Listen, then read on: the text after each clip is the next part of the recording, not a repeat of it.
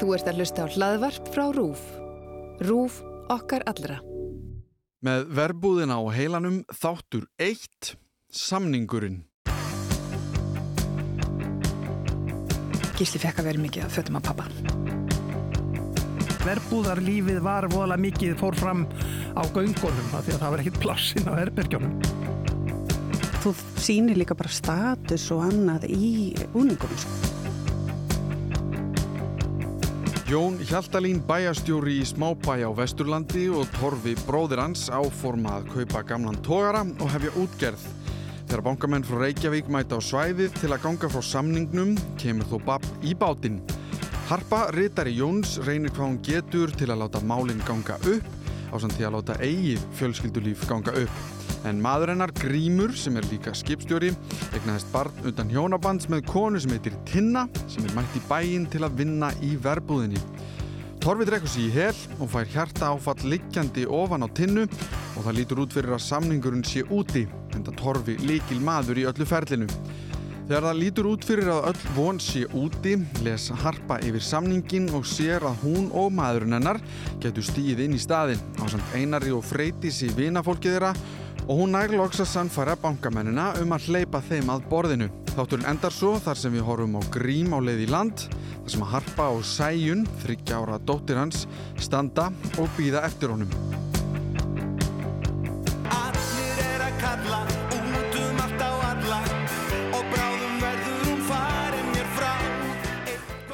Velkomin kæri hlustandi í með verbúðin á heilanum sem fylgir eftir verbúa þáttunum sem verða á Dasgrá Rúf næstu sjö sunnudagskvöld. Ég heiti Allimár Steinarsson og í þættinum í dag ætlum við að tala við fjölmjölamannin Árna Mattiasson um hvernig það er að vera á verbúð en áður en við ferðumst með honum aftur í tíman Þessi tilvísun útskýrir sig sjálf á eftir. Langaði mig að skiknast aðeins á bakvið tjöldin við gerð verbúðarinnar ég til mín búningahönnuði þáttana. Það er Margreti Einarsdóttur og Rebekku Jónsdóttur til að tala eins við mig um hvernig það var að búa til hennan heim. Ég heiti Margrét Einarsdóttir og er búningahannur. Ég uh, hafði nú einhvern veginn alltaf áhuga á bæði tísku og leikursi og, og kvikmyndum og lærði meðal annars bókmyndafræði og hérna, rak tískuveruverslun og hérna egnaði svo bara þrjú börn með mjög stöttu mill, millibili þannig að uh, það nám sem ég hafði hugsað mér einhvern veginn að fara í, í búningahannun uh, varð ekki og allt í hennu bara stóð ég bara með uh, draumarstarfi samt í fanginu sko og hefur verið að vinna við þetta og sangaði mér bæði reynslu og, og námskeiðum og svo leiðis í 22 ár. Ég var í hagfræði en hérna, var alltaf mikið áhuga á tísku og endaði með að þegar allir samferðamenn mínir í eru bara góðum stöðum í böngum þá ákvaði Rebecca að fara bara í nám í fatahönnun 2007 og hætta í greiningadelt. Þannig að svo að vera sjálfstætt starfandi fatahönnur á Íslandi gefur ekkert rosalega vel sko. Þannig að ég var búin að taka að mér svona einstaka verkefni, myndatöku þarna, þú veist, H&M bæklingur fyrir trónorð eða eitthvað. Og svo bara svona stekka þetta alltaf og fyrir fimm árum síðan þá ákvað ég að halda mína síðustu tískusýningu í byli og bara hella mér í þetta Mm. sem ég er að gera. Þannig að ég er svona uppgjafa fatahönnur. Áður en að við förum kannski að tala um verbúðina, þá langar mér smá til að tala bara um að því að ég fór að hugsa búningahönnuður og mér líður eins og það sé sko tekið þegar maður horfur á Óskarinn og það er costume designer en búningur á íslensku hljómar eins og það sé annarkvort öskudagur eða hrekkjavega þú veist, fyrir mér sko þessum hérna leikmanni sem veit ekkert um hvað hann er að tala kannski upplöfu fólk bara að allt fólki öllum þáttu sem það sér er bara í ég meina á ekki bara þessi föld, er það ekki bara í þessu hvað er búningahönnun fyrir ykkur? Já, eins og þú orðar þetta gætið þú náttúrulega vel átt heim í framleiðslu allir því að þetta er oft svona viðhorfið, já, framleiðendur bara á fólk ekki föt. Já, Árið 1946 kom ekki allir bara í sínu. já, Já. nokkulega Já, þetta er einmitt ekki svona, Nei, en hérna, og þetta er eins og með margar stjættir, það er oft svona, þetta er tölver, hvern stjætt, sérstaklega á Íslandi. Fólk átt að sinna ekki alveg á því hvað það er, mm. en svo þegar á hólmennu komið þá vilja allir alltaf bara allt. já, Sko, ef að fólki finnst þegar það að horfa þætti að fólk gæti átt þessi fött og, og þetta væri eitthvað sem að er svona eins og maður segir á góðri íslensku second skin mm þá hefur tekist mjög vel upp, með búningahannuna. Já, Ef þú trúir á karakterin, ert ekki að hugsa um það í hverju hann er, en bara ferði í ferðarlægið. þetta er svona kannski passíft eða þú veist, þetta er hérna að því að ef þú að því ég hugsa líka á hinbógin að oft ef maður horfir á Óskarinn eða eitthvað, þá er hérna búningahönnuðir að fá velun sem eru með svona eitthvað periódudrama, þú veist, að því að það eru myndum Viktoríu tíman eða eitthvað, það eru svona rosalega svona hvað segir maður, stórfenglegir búningar, það er bara einhverju kjóla sem nátt um allt og eitthvað. En það er allur skali náttúrulega þar á. Það þarf ekki að vera í þeim öfgum, þú veist, að það þurfa að handsauma hérna kjóla á einhverju aðarleikonu sem eru með 15 mismunandi kjóla því hún er drottning Englands í 20 ára eða eitthvað. Er það ekki líka þessi miskilningur sko að annarkvort átt að taka eftir að þetta er þannig þú verður að taka eftir flottu fötunum og öllu þessu, eða þá þetta á að vera aðeins passívara, það sem að einmitt þú horfir bara á eitthvað og þetta bara svona, ef maður segir make sense Jú, auðvitað er líka bara, eh, þú sýnir líka bara status og annað í búningum, sko. Þú veist, það er bara eitt að, að, að sína englastrátningu eins og þú segir, sko. Mm. Eða ef þú ert að búa til Beiba Mortins á verbúð. Já, Það er bara stór, stórt gap þar á milli. mm Hvert verkefni fyrir sig er alltaf ólíkt. Stundum ertu með fantasíu, stundum ertu með eitthvað sögulegt, stundum ertu með eitthvað sambland af þessu öllu saman. En einhvern veginn viltu alltaf koma því þannig fyrir að þú situr ekki og horfur bara vá hvað þetta er eitthvað töff kjóll eða vá hvað þessi smart heldur að þú farir eitthvað ferðarlega. Þetta snýst um að segja sög. Já, þetta snýst kannski ekki bara um einhvern veginn að stílisera því þú talar um hérna H&M-backingin sem er sko stílisera það sem allir, heyrðu, markmið er allir er svona töff eða eitthvað, heldur meira, heyrðu, við þurfum að segja, þú veist, þetta er andin. Já, hvernig get ég hjálpa framvindu sögunar, hvernig get ég hjálpa karakternum að, eh, að dýfka, hvernig get ég hjálpa leikarunum í sinni sögn. Mm -hmm. Af því að er það ekki, ég man nú ekki alveg hver, jú, ég held að það hafi verið Joaquin Phoenix í Joker sem að sagði sögun að því sko að hann var að vinna karakterinu sinn en um leið og jakkafutin voru komin um leið og kostumdísæ búningahönnurinn úti kom með þennan búning handa honum að þá einhvern veginn varð karakterinn einhvern veginn miklu heilli að þá komst miklu meiri mynd á hann er það líka þannig sem þið upplifið það? og leikar eru náttúrulega margir ólíkir og sumir hverjir sökka sér mjög djúft í karakter sinn varðandi fatnaðin Mm -hmm. og þá eigum við oft mjög skemmtilegt og frjótt samtal við slíka leikara. Og svo eru aðrir sem svona trú ekki, trú ekki neitt á búningin Já. en þetta er alltaf á milli en rosalega gaman þegar þetta er svona samvinna. En eins og ef við tölum þá bara um verbúðina og minna, þið fáið það verkefni hvað eru fyrstu skrefin til þess að átt ykkur á því, heyrðu, ok, hvað eru að fara að gera hérna? Lesa handrit, Já, brjóta niður karaktera, um, hvað, hvað, hvert er þeirra ferðarlag og svo náttúrulega research, bara uh, alls konar, uh, bara rosalega djúft farið í myndalbum fjölskyldunar frá nýjenda ártögnum sko við fórum náttúrulega í mjög mörg myndalbum margra fjölskyldna Mm. og svo fórum við náttúrulega í, í fréttatengt efni og blöð og uh, skoðum svona karakterar sem þetta er náttúrulega byggt á líka. Já, og við erum náttúrulega svo heppin að Rebecca er náttúrulega dóttir ráðara á þessum tíma. þannig já. að eh, hérna, Jón hans gísla er náttúrulega bara lúkið á honum Mm. minn mun betri maður en maðurinn í sögunni er náttúrulega rosalega byggt á Jóni Sigurssoni já. það vildi svo vel til að hann og Gísli eru samastærð þannig að hérna, Gísli fekk að vera mikið að fötum að pappa Já, er það? Já. Það er mitt líka, er alveg bara svona spot on, einhvern veginn. ja, þetta er bara, Jón Sigursson var ráðara á þessum árum og Já. Gísli er að leika mannin í sömu stærð þannig að þetta hendaði bara einhvern veginn. Og mér svona brandar í vona Benni fyrir þetta en hann spurði mig mitt sem leikur Stengur Hermansson Rebecca, hvernig fæ ég að fara í föt af pappaðinum? Ég sagði að það er það verið þá eitthvað svona setni tíma þegar þær var komin í sömu stærð þegar hérna Já, pappi var mjög grannur og spengilegur maður sko. Að- en kannski, ef við myndum gera eitthvað serið um Jón Sigursson bankastjóra þá Já. kemist hérna Benni í Já, ok, þannig að þið náttúrulega þá myndið einhvers konar svona, hvað kalla maður þetta? Svona hugmynda, eða þú veist skjál bara, þetta er, ég meina horfið á auglýsingar líka úr blöðum hvað er verið að auglýsa? Algjörlega. Við gerum það og búum til okkar svona hugmyndabanka, sko, fyrst gerum við bara svona stóra, stóran hugmyndabanka um svona kannski fjölskyldur og, og staði og veist, verbúin er með sér hugmyndabanka, Mhm. uh, alþingi með annan hugmyndabanka, Reykjavík versus uh, Suðureyri. Sérfræðingarnir og sunnan. Já, það er eitt já. veggur hjá okkur og svo var Og það er bara þema. Já. Já, emmitt. Og, þá, og svo bara mingum við og mingum og, og, og vinnum karakterina út frá þessum heimi eða heiminn út frá karakterina. Og er þá, þegar þið eru komnar með, ok, þetta er hérna, þetta, er, þetta eru pælingarnar okkar. Svona eru hérna munurinn á þessu og, og, og blærin á öllu þessu. En síðan er náttúrulega bara að finna öll fötin. Ég gerir ráð fyrir að það sé ekki hlaupið að því að finna 50 puffi úlpur eða eitthvað sem að voru úr þessu efn.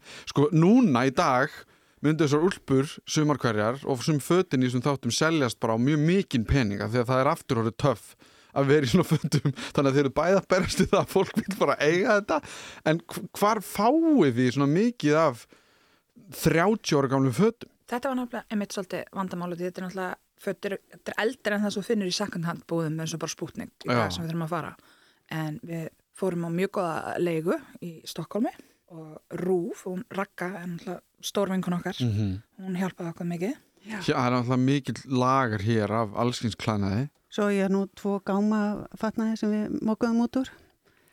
þú bara persónulega, Ég er persónulega, af því þú kannski hendir engum fötum? Nei, mikið að bönni mín er að ykkur gáma fatnaði. ég menna eðlimálsins samkvæmt myndi ég halda að þú myndir ekki henda því það einhvern tíman geti eitthvað komið upp sem að þú þarft að leita í. Því nú fjánusver. Já, og svo ekkur sterkasta fatalegan í þessum bransa er Jóðas fatalegan. Þar að segja mamma og pappi henda engu sko. já, Þannig að og við vorum við svona frekar miklir fatasjúklingar þannig að það hjálpaði okkur mikið en auglýsið einhvern tíman eftir sko, setjið einhvern tíman út smá bara svona, herðu, ég er að leita við erum að leita að yeah, ég, eigið eitthvað sem að við getum fengið ég var með neða að kalla mig lettúlpur sko. En ég er Já, svo náttúrulega er bara indislegt líka að vesla eins og við hérna, Rauðakrossin og Mhm. ABC og, og, og þeir staðir sem reynst okkur mjög vel og það er líka alltaf svo gott bara hlíti hjartanum að sé þá að stiðja eitthvað gott.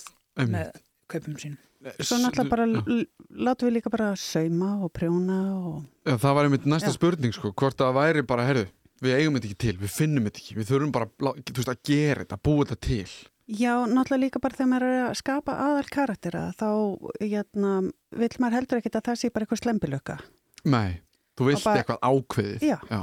og þá náttúrulega bara þarf að búa það til. bara eins og í fyrsta þætti það er náttúrulega að ásin okkar hún harpa, mm. -hmm. leggin á nínu er náttúrulega sætasta stelpan í plásinu Já, og þá náttúrulega fekk hún bara peysu frá sætasta stelpu í heimi við tókum hófi mynd og prjónuðum peysu sko, til að mattsa gamla mynd af Ónfríð Karlsdóttur já.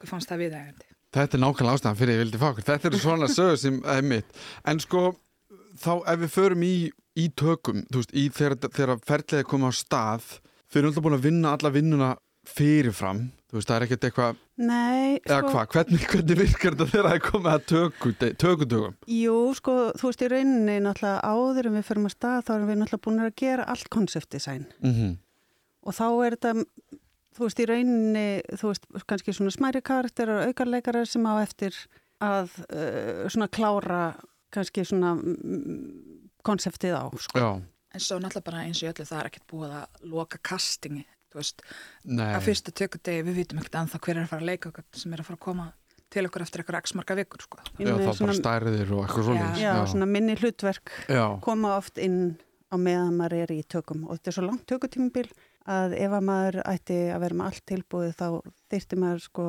undirbúningstíma sem að er aldrei gefin. en hvernig er þá eins og með, ef við tökum þá bara aðal karakterina, er þá komið plan fyrir þau, fyrir hvert þátt, senu eða að því eins og Jón, ef ég man nokkuð neginn rétt, hann er eiginlega í sömu fötunum allan fyrsta þáttinn, Stemir. er það ekki? Já. Já, hann er, hann er með tvö lúk Já, er það ekki? Það er Já. kvöldlúkið hann líka, er það ekki? Mm. Já, en annars er hann í jakkafötunum. Já, meina þetta gerist náttúrulega alltaf á sem bara degi Já. skilju.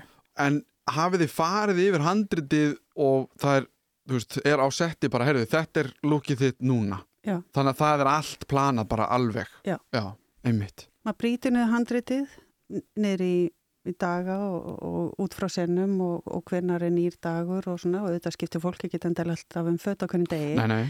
en mögulega gerir alltaf einhver það, Mm bara til þess að sjá tíman liða. Já, einmitt. Það er náttúrulega líka partur af þessu. Mm. Það er eitthvað, hann er farið heim í Tí- styrtu. Já, tí, eitthvað. tími liðir Já, og svona til þess að ná einhvers konar framvindu og, og hérna, sjá tíman liða og svo tekur maður náttúrulega bara hvert karakter fyrir sig og sjáum hvað hann er að leika á mörgum stöðum, í hvað mörgum senum ef að maður er kannski í slórinum um morgunum svo er partí um kvöldi eða ball eða eitthvað þá er auðvitað búningaskipti þar á Mm. milli og þannig að það, þetta er allt saman plana fyrirfram. En er það þá, segjum sem svo að þið hafið lesið handritið og þeir eru með eitthvað lúk, það er eitthvað ákveðið hérna, ok, þetta er, þetta er leikstjórarnir sem, og þá kannski meina í, í starra samingi, ekki bara hér en, en líka hér náttúrulega, en er það oft, værir til að hafa hann meira svona? Mér finnst hann of eitthvað hreitn og bein eða eitthvað, er það líka þetta samtal sem þeir eru að, að eiga á deginu sjálfum eða svona í dögunum til að leiða upp að tökutum? Algjörlega. Já. Og þetta er náttúrulega heldur maður svona mátanir og teka myndir og sendir legstur og þetta er áttin sem ég er að fara í með Mhm. þennan og svo færði eitthvað feedback. En eins og þarna er það líka mjög, mjög ólíkt hver leikstjórn er Já, og hvern, hvern sem ekki áhuga hann hefur á búningum. Einmitt. Þú veist, við makka sinni með mjög þekktum leikstjóra, Pól Greengrass og það var alveg sama hvað við syngdum hann, það var alltaf bara fullkomið og perfekt. Þú veist, við fengum aldrei neitt feedback frá hann því hann var bara mjög ánæður með okkar vinnu. Já, já. Ein, einstakar sinnum sko kom kannski bara svona is it true? Does it look true? Já, bara, já, virkar þetta satt Já, Já, og þá sínum mann hún kannski frétta mynd Til að, já. já Við þess að styðja til þess að stiðja og Já. bara já, perfect. En svo eru aðri sem að sko bara skóreimatna skipta máli. þannig að þá þetta út í aðeins meiri smáatri Já, en En maður reynir meira- auðvitað alltaf að eigða þessari óvissu að því að uh, maður vill helst ekki þurfa að vera að eiga þessar samræðir á setti. Bæði tekur það bara á langa tíma frá tökutímanum og jötna, er náttúrulega bara erfitt fyrir leikara. Já, býða bara eftir því Já, ég menna þú er bara, er, ert í einhverju, einhverju karaktersköpun og þú vilt ekki þurfa einhvern veginn vera að hafa áhyggjur af því hvað búningi þú ert. Þú ert Já. að undirbúða þig fyrir þennan dag og vilt vera tilbúin í daginn og ekki vera einhvern veginn að hafa áhyggjur af þessu á síðustu stundu. Það er erfitt fyrir leikar að fara þannig inn, inn í daginn. mm Og kannski svona bara í lokin Hvað fannst ykkur, ég meina þegar við unnið við allskinsverkefni að vinna við þetta Hvað fannst ykkur skemmtilegast við, við það? Fyrir mér var þetta náttúrulega mjög svona persónulegt að nota pappa og mömmu svona mikið í þessu sem innblástur. Mér fannst það mjög skemmtilegt og svo verður maður bara að segja þetta dásanlega fólk sem að vinna með. Það er sem náttúrulega lifir alltaf lengst bara samvinnan við þessa kvikmynda fjölskyldu sína hérna á Íslandi. Það er náttúrulega bara alltaf ótrúlega gaman að segja sögu og ótrúlega gaman að segja svona líflega og, og, og hérna, stórslegna sögu í, í svona mikil lita sprengju líka sko. Já, ég er svona þakklátt fyr- fyrir Gísla og Björlina. Þeir leifuð okkur alveg að vera mjög svona yktar því að þetta er náttúrulega alltaf, maður baserar allt í einhvern raunveruleika og trúveruleika en þetta er náttúrulega TV, skiljum við, við verðum að hafa þetta gaman. líka. Þetta er ekki heimildamind sko, Nei, en þetta er náttúrulega svona gaman drama sko, með Já. mjög, mjög hérna, pólitískum uh, unditón. þetta er, þetta er samt sambland af þessu öllu sko. Já. Heimildar, gaman, drama spenna, eitthvað einhver, einhver suðupottur af þessu öllu saman fannst mér Já, og það var bara ótrúlega skemmtilegt að taka þátt í ykkur sem er ekki endilega glæpasaga Mhm. og hérna, mér er þakklátt að fá svona efni Ég og held- ég bara held að þetta verði eitthvað þrjusu stöf, sko. Ég held að fólk sé líka rosalega spennt fyrir þessu. Þetta er aðeins öðru í þessu heldur en það sem Norðurlandabúar hafi verið að búa til síðustu ár. mm -hmm. Það er svolítið búið að vera svona eins. Já, En núna er þetta bara allt annað, þannig að allir eru svolítið til í þetta.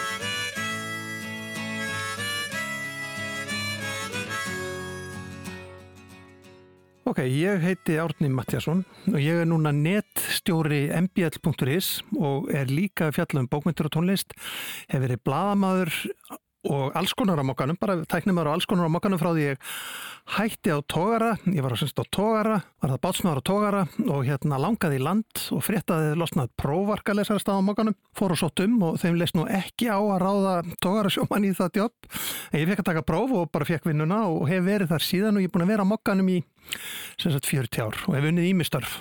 Sko ef við byrjum bara af því að fyrir mér er orðið verbúð það er nánast eins og orðið ástandið Ég er það fjarlægur því að það, það er lýsing á einhverju sem ég veit ekkert um en hefur svona frekar hvað ég var að segja, neikvæða merkingu eða svona, svona eitthvað myrka mer- merkingu Já, já og nei sko, náttúrulega verbúð er, strangti tekið er bara verbúð þar sem að menn gáttu gemt dótið sitt á með þau voru á sjó. Já. Það var svona meira að minna það eða verið í skjólu undir mjög vondu veðrum og það er náttúrulega verbúðir, leifara verbúðum út um allt land. Mér sér þetta til dæmis þegar maður gerir um vestferði og fer, þar sér maður þessar tóttir sem er eftir verbúðir og verbúðir voru alls konar. Eh, Elstu mannvirki á Íslandi eru fiskibyrgi sem er á Snæfellsnesi sem hafa sömu örgla verið notuð til þess að liggja í þeirra veð var vant og þetta var hlaðið úr grjóti eða, eða byggt úr rekavið eða einhverju því líka. Þetta var eiginlega bara svona, já, þetta var svona sk- skáli eða skemma þar sem menn gáttu geimt dótið sitt, ekki það að þeir hafa átt mikið dót og sofið á nóttunni sko. Eða þá hýrst þar ef að veðrið var mjög vond, það var ekki hægt að róa, það var ekki hægt að róa sko því menn voru þá að opna bátun alltaf. og þetta var náttúrulega kannski var þá líka á að því kannski í ef, gamla daga að þá var fólk varð að vera einhverstaðar því að stundum voru bara skipin að fara út á þeim stöðum þar sem að bæirnir voru ekkert Já, já, sagt, menn réru, sko, menn komur kannski langt að, komur kannski heila daglega eða meira frá bæjum, sem sagt, viða um land og fóru í verið, þar sem að var eh, hægt að skjóta út báti, sko, og þar sem var hægt að leggja báti og þar sem var hægt að hlaðu upp fiski og svo framvegis, það þurfti svona að vera svona ákveðin atrið helst þurfti að vera lækur nálægt þess að geti náði ferskvatn. Og sumstað sé, sé það þurfum menn að be- það menn þurft að bera það svolítið langt að. En þetta var já, þetta var eiginlega bara vík eða vogur, eitthvað það sem gæst skóta út báti, menn gáttu hreinsað maður sér það til þess að maður fyrir á frambúðir á Snæfellsnesi, það veist hvað búðir á Snæfellsnesi eru, þær voru áður utar á, á nesinu, þar eru kallast frambúðir og þar sér maður að þar hafa menn verið að laga lendinguna og reyðja til grjóti og svo, svo séu veldur að skjóta bátum upp og draga það á land þegar veða var vond þannig að já, verbúð var náttúrulega algjörlega hlutlist fyrir bara þetta lengst að þetta bara staðið þar sem hún gast sofið þá kannski þú fórst næst á sjó. Og en síðan sem sagt það sem gerir síðan náttúrulega er að smá saman verður þetta meiri Hann, hann lýsir þessu mjög vel hann Hallgrímur Helgason í, í hérna bókonu sinum 60 kíló á solskinni og 60 kíló á kjaftsökum þar sem hann er að lýsa því þegar norðmenn byrja síldar útgerð á Íslandi og, og allt, allt æðið byrjar. Þar náttúrulega þurftu menn verbúðir vegna þess að þetta var tímabundið, það borgaði sér ekki að menn var að koma þarna og búa í, í veglegum og góðum húsum og svo var ekkert að gera í marga mánuði þannig að það voru ekki að verbúðir og fólk kom víða að og þetta var svona var svona farandverka farandverkamanna tími þegar fólk kom við að til þess að vinna í veðbúð, vinna á síld og síðar vinna bara í fiski og verbúðar, þú, þú segir það að verbúður er svolítið saman við ástandi í kollinum að það er sjálfsagt vegna þess að verbúðalíf á Siglufyrði var til dæmis mjög líflegt að því að þarna var mjög mikið af fólki og það er það ofana fyrir og það voru skemmtanir og það var músík, þarna spilaði skona hljómsettir og þarna var bara mikið félagslíf í tengslu við þetta og svo var það búið, bara fólk kom, fór á verbúð og svo var það farið Já. sem hefur verið mjög skrítið og þú ert í litlum bæ og allt inn er bara bætast í mörg hundru ef ekki þúsund manna þarna og svo bara allt inn allir farnir. Já. Það verður mjög sérkennlegt en þetta var sem sagt þannig að það tengist þessu gleði og allt í leið þannig kemur fram ungt fólk, ungt fólk, fólk í fullu fjöri eðlilega vegna þess að annars feng, feng, fengst ekki vinnu og, og áfengi haft um hönd og tónlist og skemmtun þannig að já, það skapaðist þetta svolítið stemning þar og, og svona, það, það hefur svona romantískan blæ en En eins og að nefni nú hann hérna Hallgrimur sérstaklega í, í bóknumu 2, 60 kíló kjaftsökum að það var þetta líka svolítið umörðatími, það var hérna mm. ofbeldi og það var kvennfyrirlitning og það var hérna alls konar ógislegi hlutir í gangi líka sem að, sem að hvað, við breyðum yfir, við gleymum, við lítum framhjá. Mm. En, en þín saga af verbúð, hvað Já. ertu, að því þú nefndir í kynningunni að þú ert á áður en þú fyrir á nokkana, Já. þá ert á sjó. Hvenar ferðu fyrst? Já, sko, má, málið er það að ég, sem sagt, ég, hérna, ég, hérna, ég kláraði ekki eins og skildunám, ég röklaðist úr skildunáma því að fann að reykja svo mikið ass og það fer ekki alltaf saman, sko, og hérna, og, og fór, á, fór á sjóin og ég fór á humarbáti í, í Vestmanniðum og það voru svona, það voru mín kynni af verbúð, það er 1974, já, þegar ég er 17 ára. Þegar ég er 17 ára, já, þá, ég var nú búin að vera á gullfossi áður, já. Þegar ég er 17 ára þá fer ég til Vestmanniða og ég er ráðin á humarbát og ég var á ver, verbúð hjá fiskiðinni og það var bara, þetta var sem sagt eins og allir í pingulitlu herbergjum, og hérna þetta var verbúðarlífið var voðalega mikið fór fram á göngunum af því að það var ekkit plássin á herbergjónum og göngunum og ég man það til þess fyrstu nóttina sem ég var þarna þá, þá vaknaði við það að er verið að stingja, syngja. Tveir menn að syngja mjög hátt og spila gítar og syngja Lífi Stalin og einn rauði herr og ég fór fram og það voru þá Bubbi og Tolli. Og hérna þar kynntist ég þeim náttúrulega í þeirra, þeirra hérna sosialísku baráttu. Og við sem sagt Bubbi eruðum miklu vinnir þarna sem sagt í Vestmannegjum ég var á, á Ísfélaginu.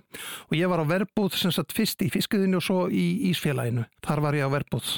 En þannig að þetta skiptist, það, það er ekki þannig að því að við tölum um þáttinn, þennan fyrsta sem við vorum að horfa á, að þá leið manni smá eins og þau sem var að vinna í fiskvinnslunni væru þarna í svona einhverju dormi, einhverju svona gisti Já, heimili já, en skipstjórin, hann er bara svona einhvern veginn að flakka á milli og hann á kannski hús í bænum eða eitthvað slikt. Var þetta þannig skipt eða var bara, voru allir bara saman í, Nei, einni nei, kurs? þetta var sko, ég, þegar í mín löpilöfum var sem sagt þessi, ég kem þarna bara sem sjómaður frá Reykjavík sem á ekkert land í, í, Vestmannum og ég, ég þekki engan þar og á enga ættinga þar eða neitt slíkt og ég bara bjó á þessari verbúða með ég var þarna, ég var þarna tvö sömur á, á sjónum og við byggum þarna á verbúðinu, þetta var svona farand fólk sem mm. kom þarna, vann þarna yfir vertíð, svo var það farið. Og hvað, þessi vertíð, er hún sumar, haust, við, er það skiptir einhver máli? Já, það er, sagt, það er alltaf vikað í gangi. Það var, það var humarvertíðin var yfir sumarið, svo er hérna vetravertíð, þá er róið og, og við farum á vetur og það, það er alls konar hluti sem komið. Það kemur hérna síld, það kemur loðna og svo fram eins og hvert hefur sinn,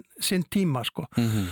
Og þetta líf var, þetta var voðalega mikið þannig að þegar þú ert, í, þegar þú ert ekki að vinna, þá, þá hefur ekkert að gera vegna þess að það er ekkert, það er ekkert líf fyrir utan í raun og veru vertíðin. Þetta er svolítið svona, Þú þekkir kannski fyrirbæri svona það sem ég kalla liminal space, Mm. þar sem þú ert svona stattur á milli þess sem var og þess sem gerist næst og svona einhvern veginn í einhvers konar svona tómi, einhvers svona menningalegu tímalegu tómi og við vorum eiginlega svolítið stödd þar. Og þetta er líka svolítið eins og, eins og ég nefndi það nýpa, ég var á tógara í mörg ár, var semst á, á fyrsta vigra og svo var ég augra í mörg ár og var á reyndar á fleiri tógurum og þar var maður líka svona hérna það var svona, það lífi var þetta þú bara fórst að sofa, svo vaknar og þá var það var alltaf einhver sem sagði þér hvað þú ættir að gera. Mhm. nú, átt, nú er æs, nú átt að koma fætur. Nú átt að fara að gera þetta, nú átt að fara að borða. Nú átt aftur að fara að gera þetta, nú átt að fara heimtíðin. Og svona það er alltaf einhver sem stjórnaði þetta er svolítið svona, og að ég fór að skrifa músík og hef farið í tónleikaferði með hljómsveitum þá kynntist ég líka þetta er svolítið svona í hljómsveit og tónleikaferðilegi það kemur ykkur agent og segir, já já, nú erum við að fara á þetta hótel og tekkin hérna og hérna eru passarnir ykkar og hérna er peningu fyrir daginn og, og klukka þetta verði hér með bílinn og svo framvegis þetta er raun og veru að mörguleiti svona, ég veit ekki hvort sér rétt, rétt að nota orðið gott líf, þetta er rosalega einfalt líf, Já. þú þarft ekki að hugsa það er annað fólk sem er að hugsa fyrir þig. Þú þarft bara vera að gera það sem þér er sagt að gera. Já. og þetta er, þetta er mjög þægilegt vegna þess að þú ert laus við alla ábyrð og eins og ég segi, þetta er svona eh, liminal space, þú ert svona mitt á milli. Þú ert til í einhverju rými þarna þar sem þú hefur hérna það er engin ábyrð sem kvílir að þér, þú ert bara að gera þitt. Já. og ég meina þú kannt að slæja fisk eða þú kannt að eh, ormar hins á torsk eða, eða þú kannt að eh, nýta höfulínu eða gera við hérna eh, eitthvað, einhverja vangi á tr- trolli og svo framvegis. Mm. og það er alltaf einhver sem er að hugsa um þig. Og þetta var svolítið svona lífið þarna, þetta verbúðalíf og að vera á sjónum og vera á verbúð þetta var algjörlega löst við ég man ekki að maður hafi hugsað um neitt. Maður var bara svona eins og maður var þarna bara og einhver kjardýr sem eru bara reikið þarna og svo er það á beit og svo er það reikin á næsta reit þar sem maður þarf að fara á beit En fólkið sem var hana, því að þú nefnir tolla, þú ert búin að nefna Bubba Tolla Já. og, og þau sem hafa séð nýju líf vita að um, kannski, kannski meira um hvernig Bubbi fór þanga heldur en Tolli en, en þetta var svona djam og síðan verbúð til þess að græða peninga. Já, já, já. Var já. þetta mikið ungt fólk sem að vissi ekki hvað þetta að gera annað? sko, það var alls konar fólk þarna, það var þarna mikið ungu fólki já, sem að var hérna, hafði ekki vilja að fara í mentaskóla eða hafði hægt í mentaskóla eða, eða þurfti bara að vinna því að vantaði pening til þess að gera eitthvað. Það var mikið af svoleiðis fólki, það var fólk eins og Bubbi og, og Tolli og eins og ég sem að lifðu bara fyrir það að þú veist að eiga pening til þess að geta verið að skemmta sér og voru að vinna, þú veist, nú tek ég bara þessa vertið og svo plendi skæs og get gert alls konar hluti. Já, það var svolítið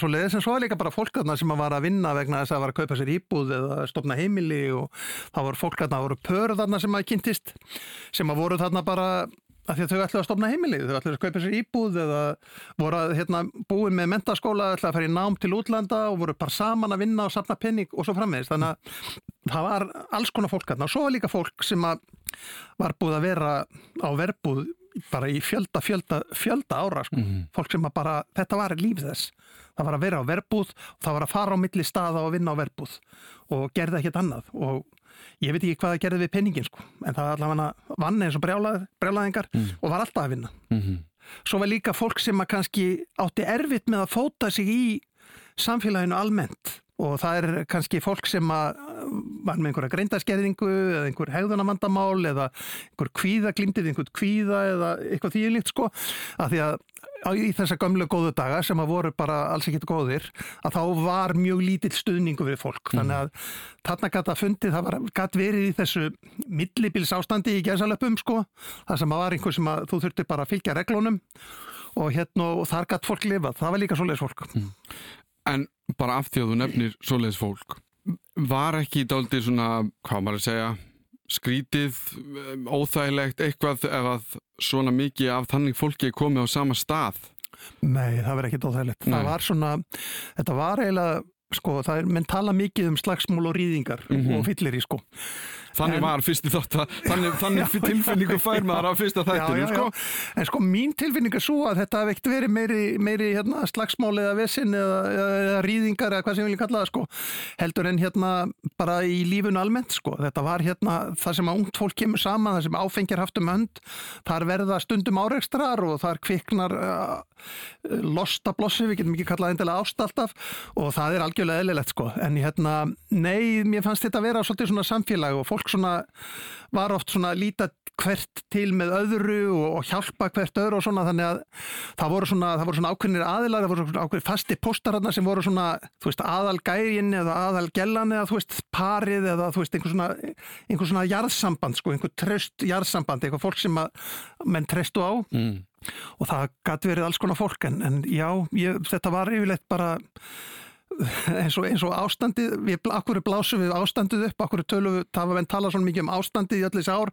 Það vegna þess að við viljum ekki að aðrir menn sé að kássast upp á okkar júsur Mhm. eins og menn hugsa, við viljum ekki að aðrir menn komi og taki okkar konur og þetta er náttúrulega bara í grundvandaratriðum er það bara þessi, þessi gamla eigna réttar hugsun að kallan við, kallan við eigum konur og aðrir menn með ekki koma að taka þér Mm. ég tala nú ekki með þeir svarti, þá fyrir allt í vjöndans Já.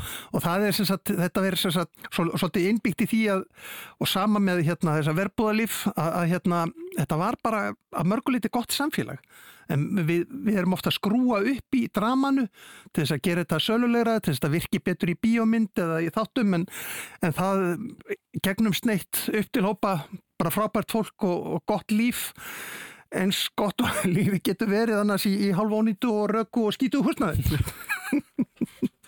En áður en við kannski, að því mér langaði til þess að nefna eitt sem að kom mér óvart.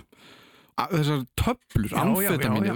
Það, varst að, að ranka upp við það? Ég, ég held sko alltaf að verbúð, það hefði bara verið fyllir í. Þú veist, það, það, það, að- það eru allir að drekka og það er bara eins eðlilegt og hugsaðst getur. En ég, einhvern veginn, kannski var það bara saklaus í ég sem áttaði mig ekki á því að einhverjar amfetamín töflur hefði verið komnar til Íslands árið 83 til 91, sko. Já, kæra barn. En það er bara raunin. Já, já, það er raunin og til dæmis eins og þegar við erum að kynast að núti við Bubbi þá erum við að geta sveppi og reykja hasko Já. og það er bara þannig og það er 1974.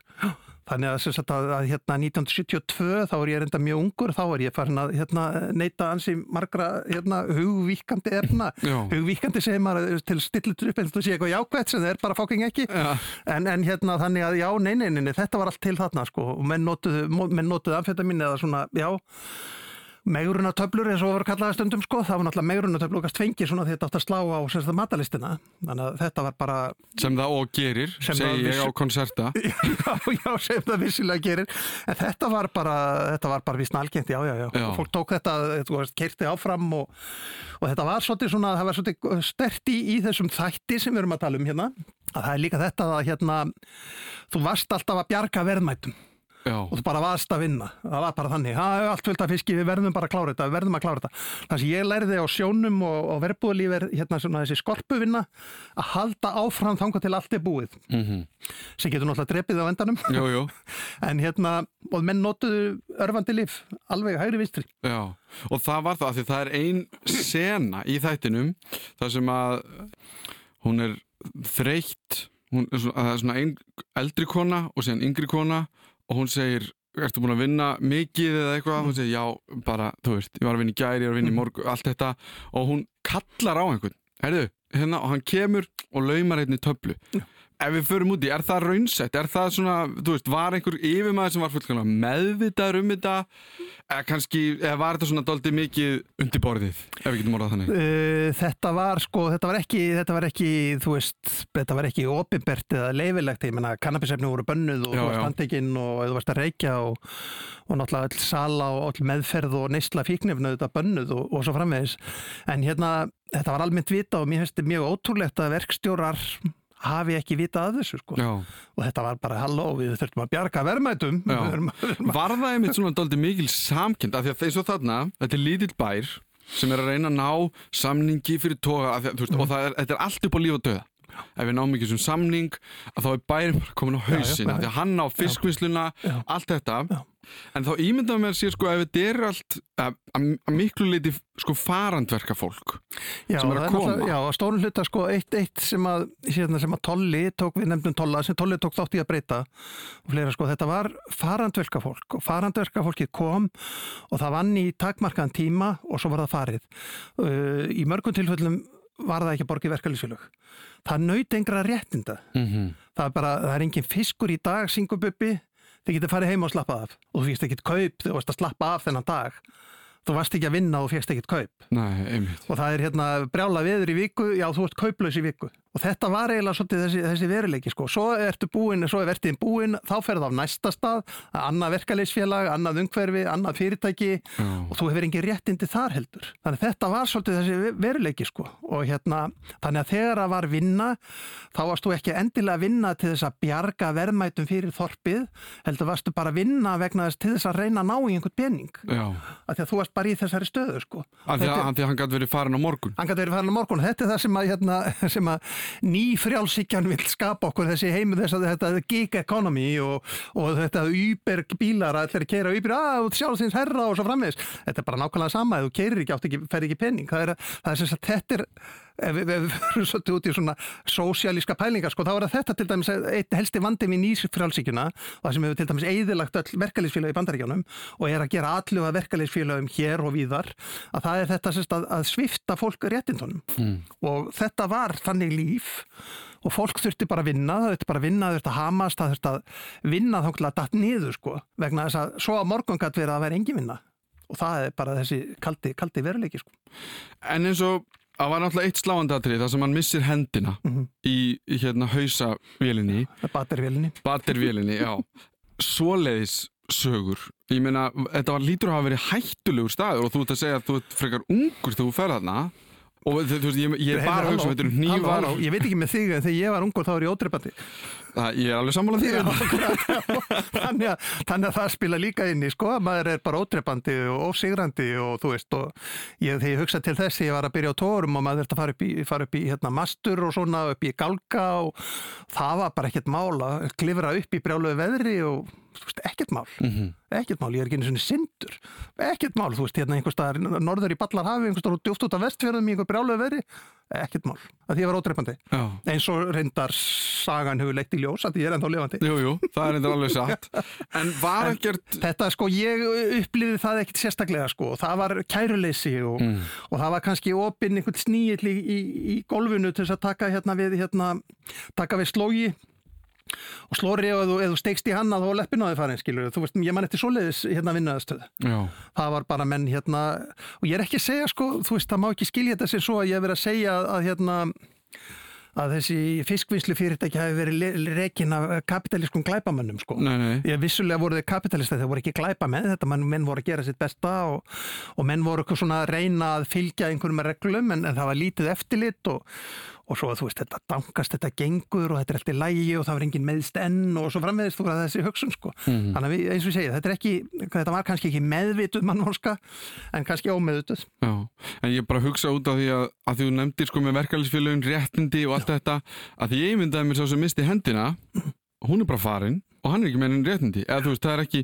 og ég efast um að hann sé treyður af hérna hinum og þessum og eitthvað svo Þetta er, þetta er einmitt það sem er svo interessant að sko 78, 78 og 9 þá til dæmis hérna, byrjar þessi mikla bylgja sem sagt farandverkamann á Íslandi þeir byndust samtökum og þeir stoppuð alla vinslu í vestmanniðum til dæmis og, og það voru hann í fundir og þá svona dróust verkalýsfélagin inn í þetta líka sko, að það, það, það, þeir þyrst að tryggja réttin til þessa fólk sko. Mm. þannig að það, Tolli tók mikið þátt í því og, og, og Tolli og, og hans félagar þeir að hafa auðdagasminn átt að vera einhvers konar svona baratu hópur hérna fyrir verkalýsfélag og þeir kefti hann það í rútu til þess að ég geti kert um landið og spilað á, á stöðum en eins og Tolli lísti svo bara sáum við reikinu eftir rútun og heiðum aldrei þið meir. Þeir voru alltaf auðdagasminn voru alltaf bara að gera sitt. En þetta var svona á þeim árum sem þá verður svona breyting á þessu. En húsnaði sem menn voru í var lélegt og það var oft legt, það var miklað það var skítugt, það var ónæðar.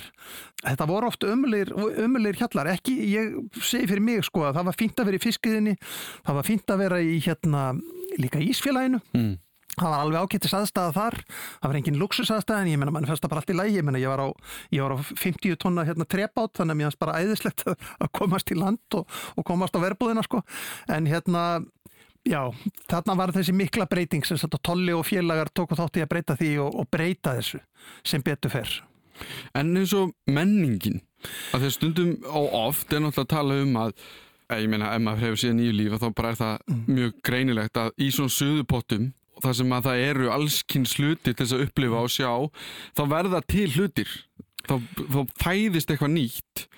Og þú talar um böllin, þú talar um hljómsveitinnar sko, hvaða hvernig tónlist var hlusta þá? Hvernig, hva, Men- var eitthvað svona ráðandi? Sko, menn hlustuð á rock, svona sírrock, þetta er bara, menn hlustuð á það sem var algengt á þessum tíma, það var hérna Deep Purple og það var Led Zeppelin og Pink Floyd og fleira og fleira, sko.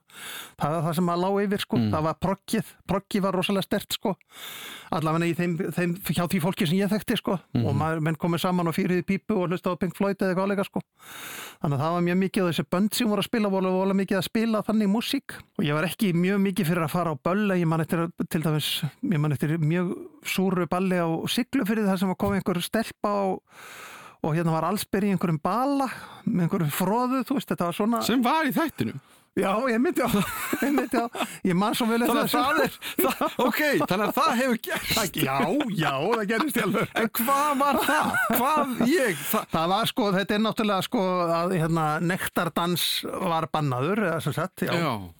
En þær máttu koma og sína einhvern listranna gjörning eins og, eins og að fara allsbyr í einhvern bala með fróðu og smyrja sig með fróðun og svo framvegis.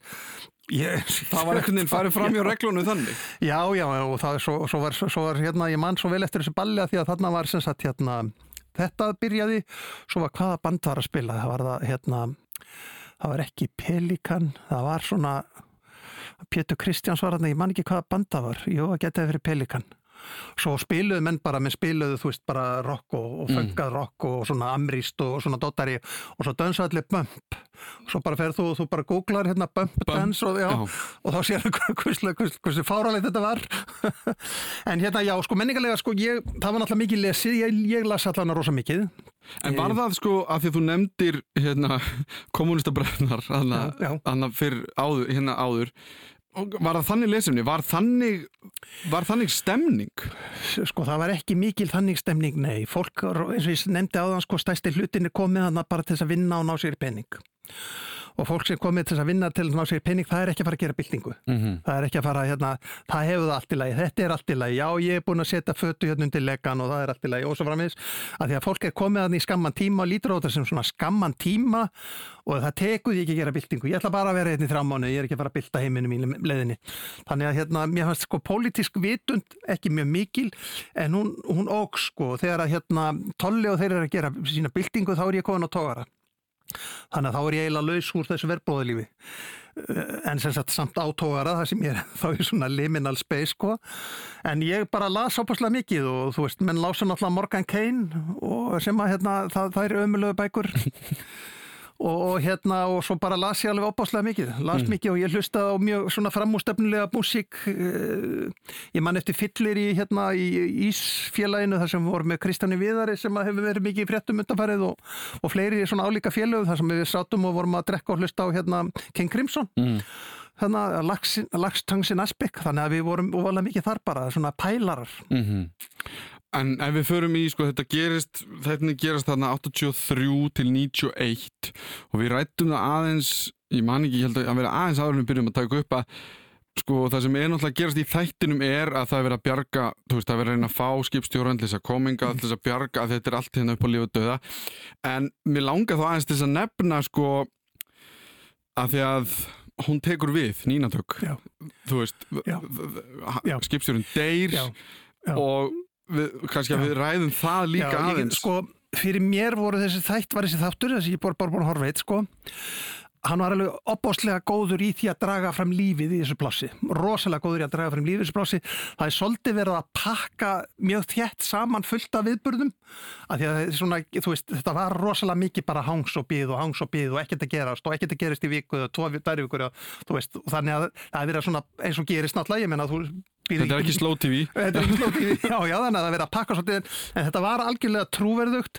E, mér fannst þetta að vera svolítið hlýðrað í tíma, sko. Ég er ekki alveg vissum að þetta hafi verið nákvæmlega svona 1984 eins og það var 1974, skilur Mm. en, en þetta er náttúrulega gert svona, menn taka sér svona ákveðu hérna, leifið til þess að nýka hlutum til. En það sem að, eina sem ég fannst ótrúverðist í þessu, eina sem ég fannst ótrúverðist í þessu er vaðandi kvenfyrirlitningar vaðandi kynþáttahyggju þessi tími sjöndi og áttunda áratöðun og, og líka sjötti og fymti og fjóruði og svo framins eru tími vaðandi kynþáttahyggju og kvenfyrirlitningar Já. og það er eitthvað sem að hérna, því ég hugsa tilbaka að það var ömulegu tími og alveg frábær tíma að vera hérna ungur kvítur kallmaður skulur en allt annað það var bara sökkaði sko Mm. þannig að ég, ég set spurningamerki við þetta en kannski trúi því betur í næsta þetta En það kannski sko, það, það sem ég hugsaði var að það er þessi kjarnakona. já, Þessi sko sem maður, að því að nú á ég ættingjósiklu fyrir því mitt og, og, og bara út, út á landi. Og ég hugsaði líka um bara íslensku konuna mm. eins og mömmu mína, ömmu mína og þetta sem að, jú, ólust upp í algjörlega grilluðu ástandi og bara einmitt eins og þú varst að segja. En það var einhver svona kja- ein, ein íslenska kona sem Já. steig stundum inn í og sagði, heyrðu, nú tek ég stjórnina já, já svona konur voru þetta til öllum plássum Já. allstar á landinu auðvitað. og þær voru svona límið í þessu samfélagi sko. og bak við tjöldin og svo frammiðist þegar kallarnir voru að sperra sig og, og hérna, að þá voru þær svolítið límið í þessu samfélagi og þær voru töffararnir og sem að tóku veldunum gerða það sem þurfti að gera og þær höfðu stuðning sem sagt, það er eitt af því sem að læri sem sagt, það er svolítið, uh, hefur verið svolítið rætt þú veist, konur, hvernig gáttu konur bundist samtökum og náð svona og það vegna þess að þær höfðu svo samílega reynslu sko. það, það nýtti það saman líka þær höfðu samílega reynslu og þær höfðu lært það að það þurfti bara að gera hluti sko. mm -hmm. og þær voru ekki í pissukeppninni sem að kallarnir voru og svo framvegis Nei. og allt þar á milli en, en eins og ég segi, já, hún er trúverð og sterk kona, en hefði hún ég veit, ég veit ekki með samfélagi sem að mín spurningum er Að samfélagið hefði bara gefið henni já, bara, já, já. já, einmitt bankastjórin og þeir hefðu Já. verið bara nei, En sam, samfélagið þarna er svo brotið náttúrulega og svo brotætt, það getur vel verið, já, ok, þú ert náttúrulega samfæri mig, ok, ég trú þessu núna. Ég hugsaði alveg bara að maður pælir í þættinum Mm. að, að kallanir eru í daldi miklu ruggli en konunir eru hlaupandi ringi Já, já, er það ekki bara, er það ekki bara, uh, mann ekki sagan í nótskuld? Jú, við getum líka bara alveg tekið þetta kjarta þetta í því sko að það sé einhvern, veginn gengur þetta upp að því að hún er bóstæla hlaupandi bæinn þveran og endilangan Já. til þess að reyna að láta þetta allt saman ganga upp Reyna að allt ganga upp, já. Já. Ertu með einhverja svona sögu, uppáhald sögu eða eitthvað sem að þú manst eftir er eitthvað svona sem að er þér minnistæðast varandi þennan tíma? Já, mér er náttúrulega opaslega minnist þetta að vera vakin við hérna lifi Stalin og einn rauði her. Mér finnst það rosalega skemmtilegt og, og við byrbi áttum mjög góðan tíma að núti. Og hérna, mér líka minnist þetta fyllir í sig nefndi það sem að við Kristján Viðar sattum saman og vorum að hlusta á hérna Lars Tangsin Aspik sem að, með King Crimson sem var rosa gott rosa góð músík sem að ég fílaði þann dag í dag. En svona sögur eiginlega ekki, þú veist, saga þegar einhver sparkar upp hérna herberginu vegna þess að hann heldur að sé partí saga þegar einhver bankar og þér haglabissu vegna þess að þú vilt ekki hleypa honum inn og svona. Þetta er enga sérstakar sögur þannig sko. þetta er bara, þetta gerðist bara svona var þetta bara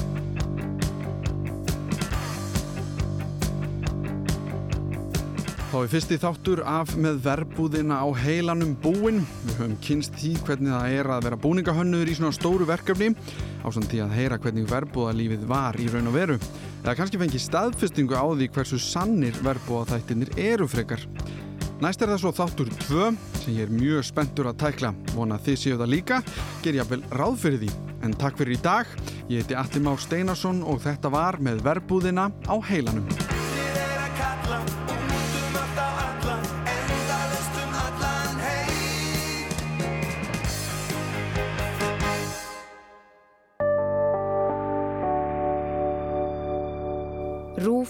Okkar allra.